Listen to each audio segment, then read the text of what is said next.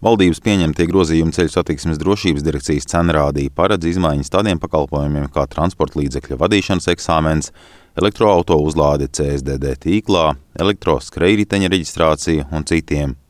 Piemēram, vadīšanas eksāmena cena kāps par 5 eiro, pietuvojoties 30 eiro.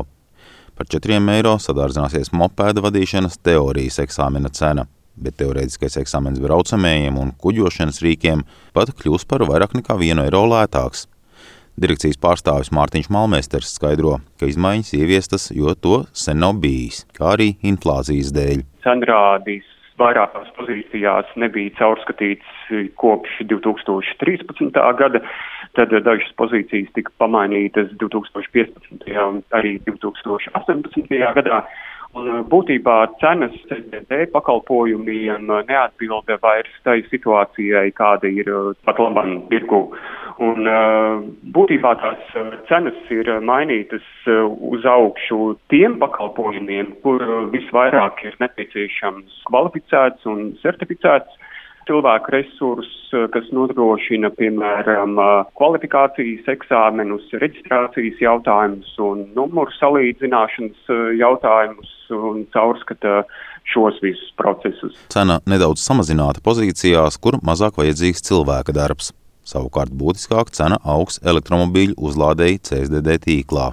Līdz pagājušajai nedēļai uzlādēt elektromobīli e-mobīļu tīklā bija fiksēta maksa, kas netika mainīta kopš 2018. gada, taču šo četru, četru ar pusgadu laikā elektroenerģijas cenas ir pieaugušas gandrīz vai desmitkārtīgi. Līdz ar to tad turpmāk cena tiks caurskatīta vienreiz mēnesī un ir piesaistīta biržas cenai. Savukārt, piemēram, maksa par izvēles numuriem lielā pieprasījuma dēļ ir kāpināta no 150 uz 300 eiro kamēr tādu numuru izvēle ir uzskatām par savu veidu ekstru, bez kā var iztikt, daļai autovadītāji bez izvēles iespējama nāks samierināties ar augošajām degvielas cenām.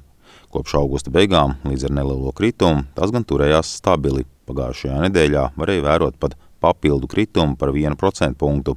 Savukārt pašlaik tas svārstās par vienu vai pāris centiem litrā. Un ņemot vērā tēriņu nenoteiktību, pievienamzējies arī autotirgus – Latvijas lietoto automašīnu tirgotāju asociācijas prezidents Uģis Vītols pastāstīja, ka cenas lietotiem braucamajiem līdz šim daudz mainījušās nav, taču vērojams, ka no citām Eiropas valstīm pie mums ievada spēkratus ar jau lielāku nobraukumu, bet par it kā tām pašām cenām. Auto asociācijas eksperts Krišs Lipšāns stāsta, ka lietoto auto tirgus pēdējā gada laikā piedzīvojis gandrīz 10% kritumu.